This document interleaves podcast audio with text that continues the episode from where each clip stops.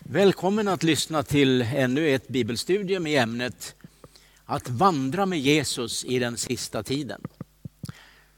Vi talade förra gången om Jesus och hans undervisning i eh, Matteus 25 då han talade om tio jungfrurna som eh, hade mycket att säga till oss. Och vi kanske ska koppla på ytterligare något lite där. Men framförallt så ska vi nu den här stunden gå till Uppenbarelseboken och läsa i Jesu namn i tredje kapitlet. Från den fjortonde versen ska vi läsa. Det är ett av de här sändebreven som Jesus ger till en av de sju församlingarna i mindre Asien.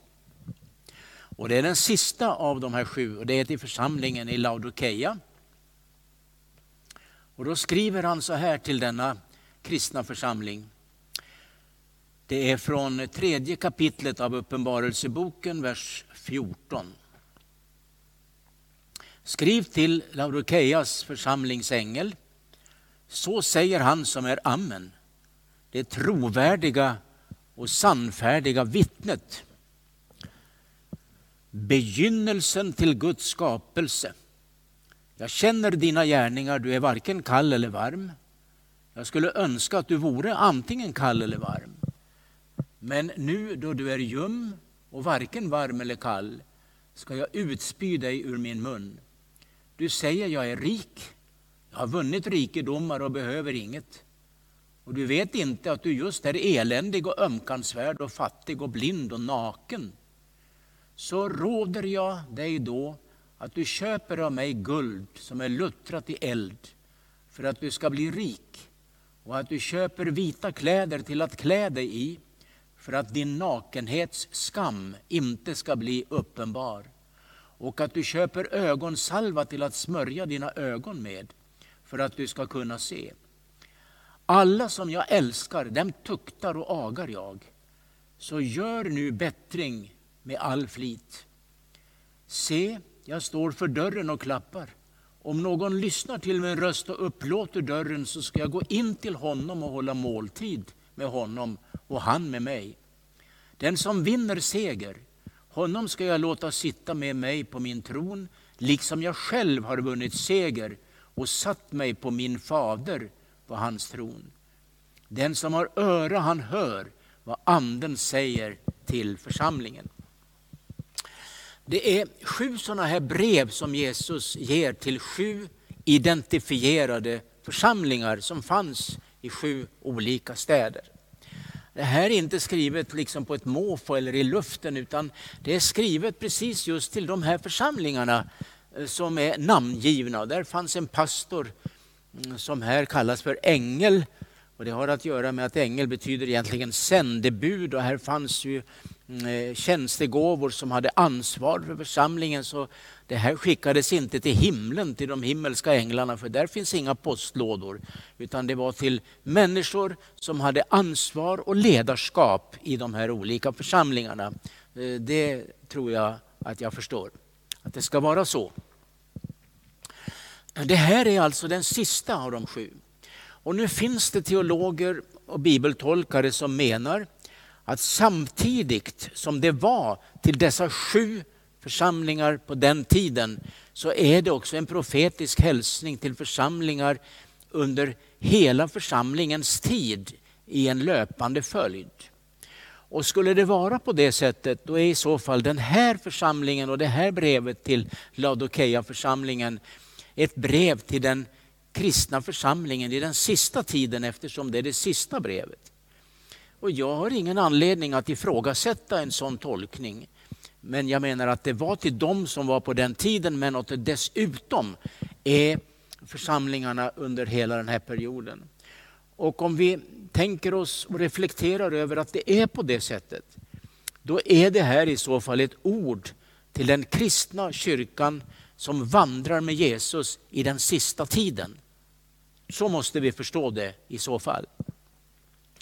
Och då måste vi ta till oss de lärdomar som finns här för att förstärka vår kunskap om vandringen med Jesus men också om den tidsanda som är nu när vi vandrar med Jesus i den här tiden.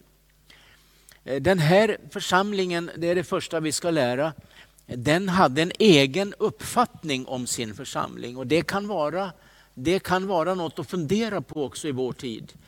De hade en bild av församlingen och den bilden den var väldigt tydlig. Han, han säger ju här, jag är rik. Jag har inga behov alltså, jag är rik och jag har allt vad jag behöver. Och det står i 17 versen, jag är rik, jag har vunnit rikedomar och behöver ingenting. Men Jesus säger, du vet inte att du just är eländig och ömkansvärd och fattig, blind och naken. Alltså kyrkan hade en felaktig bild om sig själv. Och en församling som saknar profetisk närvaro och profetisk auktoritet kommer att få en felaktig bild om sig själv. Här behövs ingenting, här har vi allt. Här har vi det fulla evangeliet. Här har vi Eh, inga behov alls, här är allting perfekt. Då behöver man en omvändelse om man säger så. För det finns nämligen per definition ingen fullkomlig församling. Det finns ingen i något som helst samfund, varken något nytt eller något gammalt, som kan säga på det sättet. Eh, utan alla så brottas vi, alla har vi bekymmer, alla har vi något att kämpa med. Och Bibeln säger till och med att vår kunskap är ett styckverk. Det är i alla fall Paulus som fäller de orden. Så har du den uppfattningen att du inte behöver någonting, då är, du, då är det illa med dig. Det där mötte jag en gång.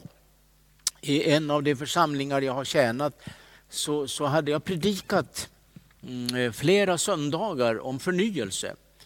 Jag tyckte inte att vi hade det riktigt. Jag tyckte att det brast. Jag sa till församlingen vi måste få komma in i ett flöde. Och Det är alltså den helige Ande som vill komma till oss och hjälpa oss med den här förnyelsen. Och jag sa, här är mycket så bra, vi har mycket att tacka Gud för, men eh, vi är inte framme än. Och, och så där höll jag på några söndagar. Då kom det en medlem, dessutom en mycket god vän, som sa, jag tycker du predikar bra Ove, vi gillar dina predikningar men nu sista söndagarna vet jag inte vad du håller på med. För att det där om förnyelse, det har inte jag förstått i alla fall. För nu är det så bra. Kören sjunger bra nu. Det är mycket folk i mötena, du predikar bra. Försök nu att bibehålla precis som det är just nu, så är det optimalt. Men käre broder, sa jag. Vet inte du att vår församling är en pingstförsamling? Jo, visst är det väl det. Men vet du hur många som blir andedöpta varje vecka här i vår församling? Eller varje månad eller varje år? Nej, det har jag ingen aning om. Ja, det är ytterst få, sa jag. Det är ytterst få. Vad jag vet, ibland ingen alls. Och här i mötena händer det ju aldrig att någon blir andedöpt. Ungdomar blir det när de åker på läger och andra blir det när de åker till karismatiska konferenser etc. Och i bönegrupper. Men här i vår kyrka händer det inte. Och du säger att det är bra som det är. Ja, jag tycker nog att det är bra som det är och vi behöver inte överdriva det här andra. Men hur många blir frälsta ibland oss då regelbundet? Ja, det vet jag inte. Ja, det kan jag säga alldeles för få. Vi ser vid det en och annan söndag att det kommer någon. Men eh, här i kyrkan är det mycket sällan någon blir frälst och kommer till Jesus. Och du är nöjd som det är. Och så tog jag upp det ena efter det andra. Och det där samtalet det lärde mig någonting. Att förstå, att förstärka, att man kan ha en uppfattning om sin församling. Att allt är så bra nu så vi behöver ingen förnyelse och ingen förändring. Och har man den synen, då måste man omvända sig. För så tyckte man också i den här församlingen i Laodikeia. Allt är bra, vi har vunnit rikedomar och här behövs ingenting. Men Jesus hade en annan analys. Han tyckte någonting annat om den här församlingen. För det första säger han här i den 16 versen. Men, men nu, men, men du är ljum. Du är varken kall eller varm, men du är ljum och jag ska utspy dig ur sin mun. Och när Jesus säger till en församling som han har köpt med sitt dyrbara blod och som han har gett sitt liv för, att du är ljummen, varken varm eller kall så kan man kanske förstå det där på lite olika sätt. Men jag förstår i alla fall eh, rent vardagligt, det som är ljummet, det är det är en mix mellan varmt och kallt, då blir det ljummet. Det är det, så, så, kan jag ta emot det som ett budskap här från Jesus. Om jag har fem liter hett, varmt vatten och så har jag fem liter iskallt och så blandar jag ihop det där. Då blir det inte kallt och det blir inte varmt, men det blir ljummet. Det är en blandning alltså mellan det varma och det kalla. Och när vi vandrar med Jesus i den sista tiden i en ond värld, jag talade här för två gånger sedan om, eh, eh, om ondskans uppror mot Gud och ondskan och jag sa att jag skulle återkomma till det men sen kom jag ju att utveckla det så pass mycket så att jag tycker inte att jag behöver komma tillbaka till det mer nu under den här begränsade tiden. Utan nu ska jag bara säga att när, när ondskan kommer in i Guds församling så kommer den inte in där i sina mest svarta och hemska nyanser. Utan den kan komma in som andlig ljumhet. Och ingen reagerar. Ingen säger att den måste uteslutas för den är ljum. Utan eh, det blir nästan i vissa kristna miljöer som att det blir det naturliga att vara lite ljum. Det finns kyrkor, ledare i vissa sammanhang som till och med säger att vi har ju Jesus. Det är självklart att vi har Jesus. Men det finns ju också andra herrar som vi måste ta ställning till. Och de måste också tas på allvar för att människor ska bli, det ska bli trovärdigt och alla ska känna att de har sin plats här i kyrkan. Och när man har Jesus och även New Age eller andra sammanhang som handlar om det där kalla och det där som är borta från Gud, så blir mixen av allt det där, det blir andlig ljumhet. Och vad gör Jesus då? Han spyr det ut ur sin mun, han kan inte acceptera det. Därför att ljumhet, andlig ljumhet, passar inte in i vandringen med Jesus. Och det man spyr ut, det är sådant som man inte tål. Får jag i mig någonting som jag inte tål, då spyr jag ut det. Och jag vill inte pressa den här bilden, men jag märker att det finns någonting som gör att Jesus mår dåligt.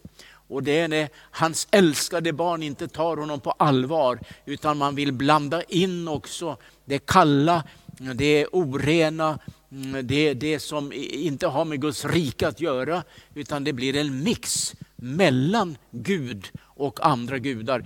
Och det brottades man med i gamla förbundet så oerhört mycket kungar och till och med präster i vissa perioder, de var inte nöjda med den heliga guden, utan de ville ta hedna gudarna från grannfolket och blanda in dem i sin gudstjänst i det heliga templet och i sina heliga sammanhang.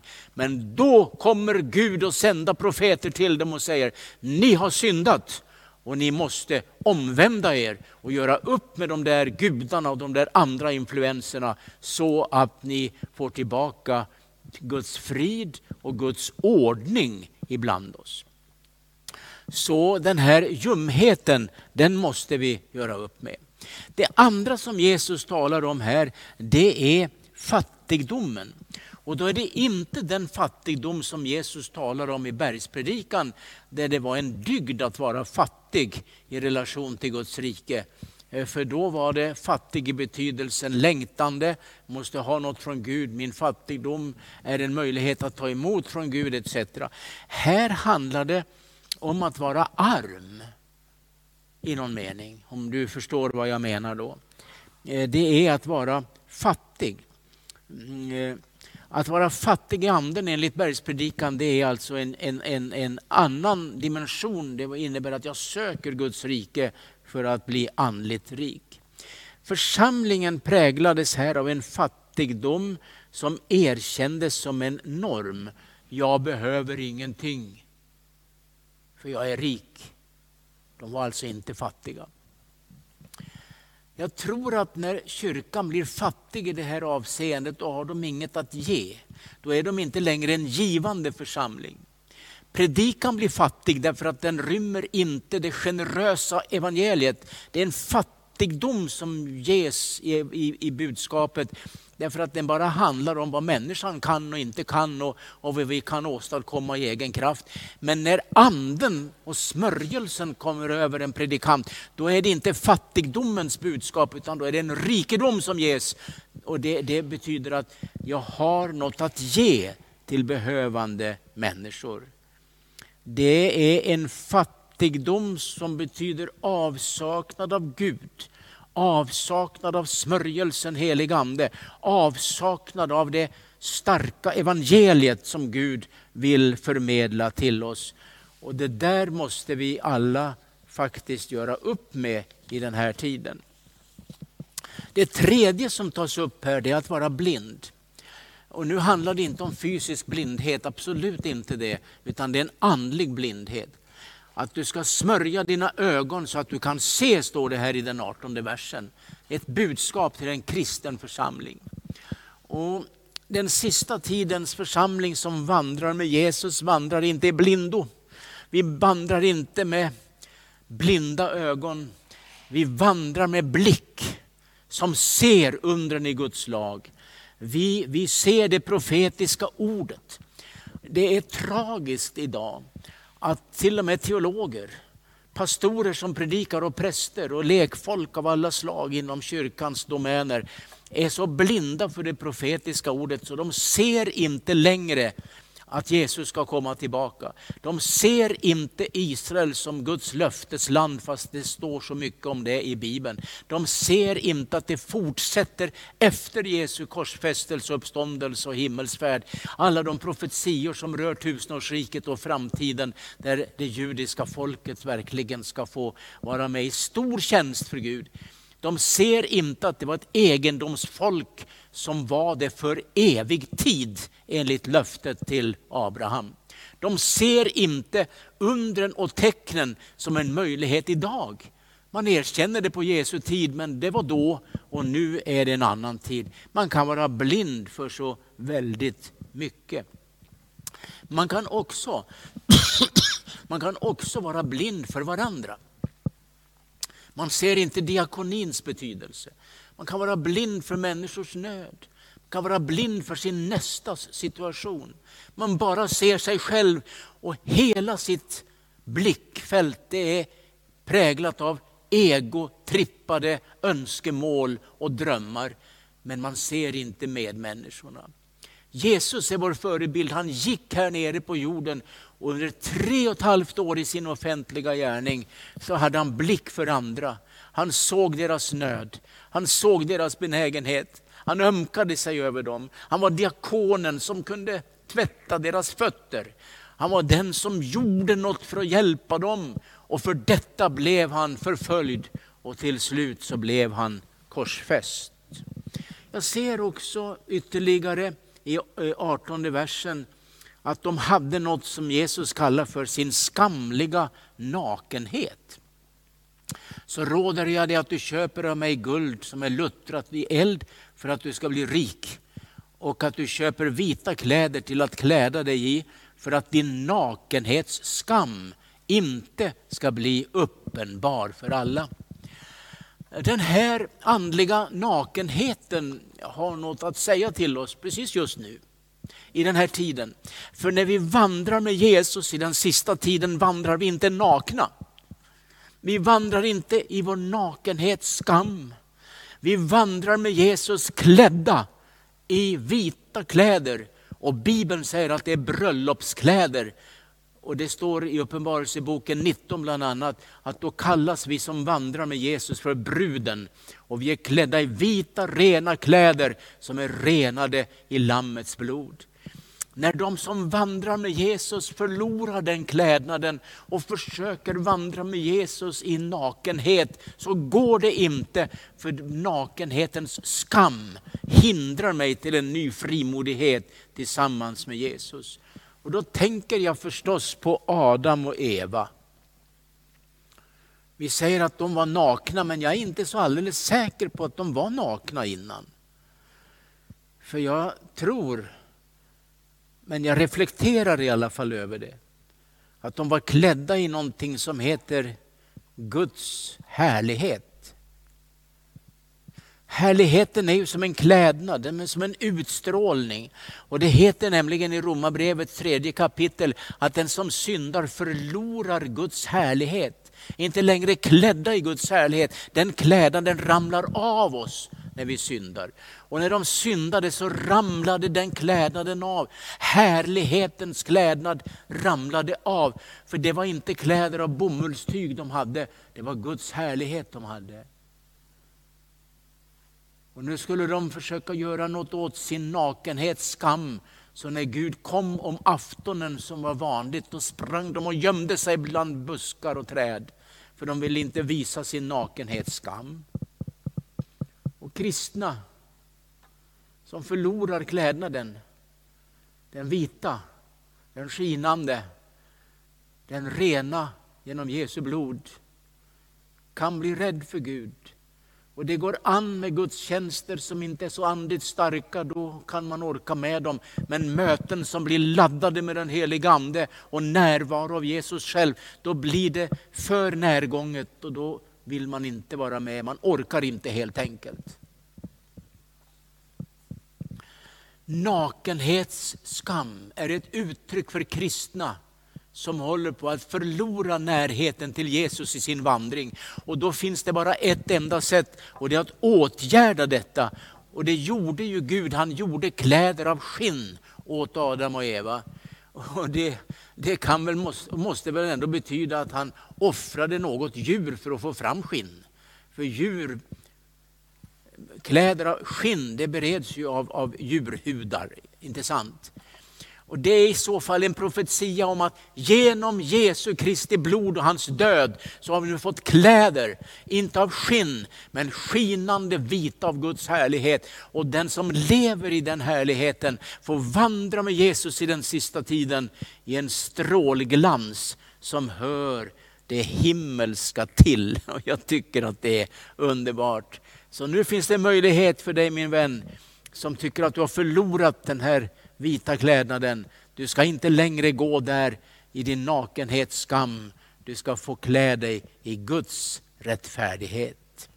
Och nu ger Jesus till den här församlingen i, i eh, mindre Asien, i Laodikeia, ett åtgärdsprogram utifrån den svåra situation de hade. Och Det första det var att de skulle omvända sig. Jag säger till er, står det i 19 versen, dem, dem jag älskar, dem tuktar jag. Så gör nu bättring med all flit och gör omvänd dig. Det står lite olika där i olika översättningar.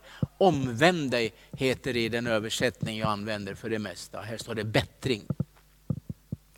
När vi omvänder oss, då innebär det att jag inte längre för ett ögonblick går i min nakenhet skam, utan jag är klädd utifrån Guds härlighet och jag tillhör det himmelska. Och detta ska ske enligt 19 versen med ivrig omvändelse.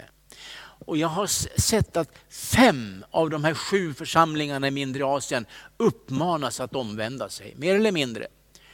Och, och jag vet inte om Jesus skulle skriva sådana här brev idag till alla församlingar i Sverige, hur många som skulle få uppmaningen att omvända sig till ett djupare liv i Gud och åtgärda sin nakenhetsskam. Jag kan inte spekulera i det. Men jag gissar att det är många av oss som skulle behöva den uppmaningen. Och för det andra står det i den tjugonde versen här, jag står för dörren och klappar. Om någon lyssnar till min röst, om någon lyssnar till min röst, det får vara ett budskap. Att ett åtgärdsprogram för den som är illa ute i sin Jesusrelation, för du har förlorat kläderna, du går där i nakenhetsskam, du är andligt naken och blind och allt det där andra vi har sagt. Det finns en röst som måste höras i kyrkan idag. Ja, det är prästens röst eller pastorns röst, men det räcker inte. Den rösten måste vara en förmedling av Guds egen röst. Och I Uppenbarelseboken står det gång på gång att Guds röst är som harpospel. Eller det står som en flöjt i alla fall. står Det Det är vacker musik. Men det är också som åska. Det är också som jordbävning. Det är också som, som, som blixtar. Och allt det där som är Guds röst, det är bilden av energi. För åska, jordbävning, eh, vattenfall etc. Det är energi. Och när rösten av Gud hörs i kyrkan, då är det en ny slags energi som kommer in där. Då är det inte underhållningsmentaliteten som tar över, utan då är det den gudomliga energin som tar över. Och vi omvänder oss och vi klär oss i de kläder som Jesus erbjuder oss. Uppenbarelseboken 14 och 2. Guds röst är som bruset av stora vatten och som dånet av en Guds starka åska. Det är, och det ljud jag hörde var som harpospelare som spelar på sina harpor. Vet du, jag längtar nu väldigt mycket efter att få höra Guds röst i kyrkor och katedraler och kapell. Och jag tror att vi är många som saknar rösten från tronen som kan komma till oss för att vägleda oss och hjälpa oss. Och den ska komma genom predikantens mun, genom sångare och lovsångsteam som ska förmedla det och genom den kristna gemenskapen där vi kan få tala uppmuntran till varandra i vår vardag. För det tredje står det här, om någon öppnar dörren, står det, 20 versen, då ska jag gå in till honom och hålla måltid med honom. Och den måltiden är åtgärdsprogrammet. Då kommer du att växa, utvecklas och du kommer in i en djup kärleksmåltid med Jesus. Men då måste du först öppna din dörr. Öppna dörren och släpp in Jesus ändå mer än tidigare. Och till sist innan vi avslutar, åtgärdsprogrammet är detta som står här mm, eh, i slutet. Det heter nämligen i vers 21, den som vinner seger, honom ska jag låta sitta med mig på min tron, liksom jag själv har vunnit seger och sitter med min fader på hans tron.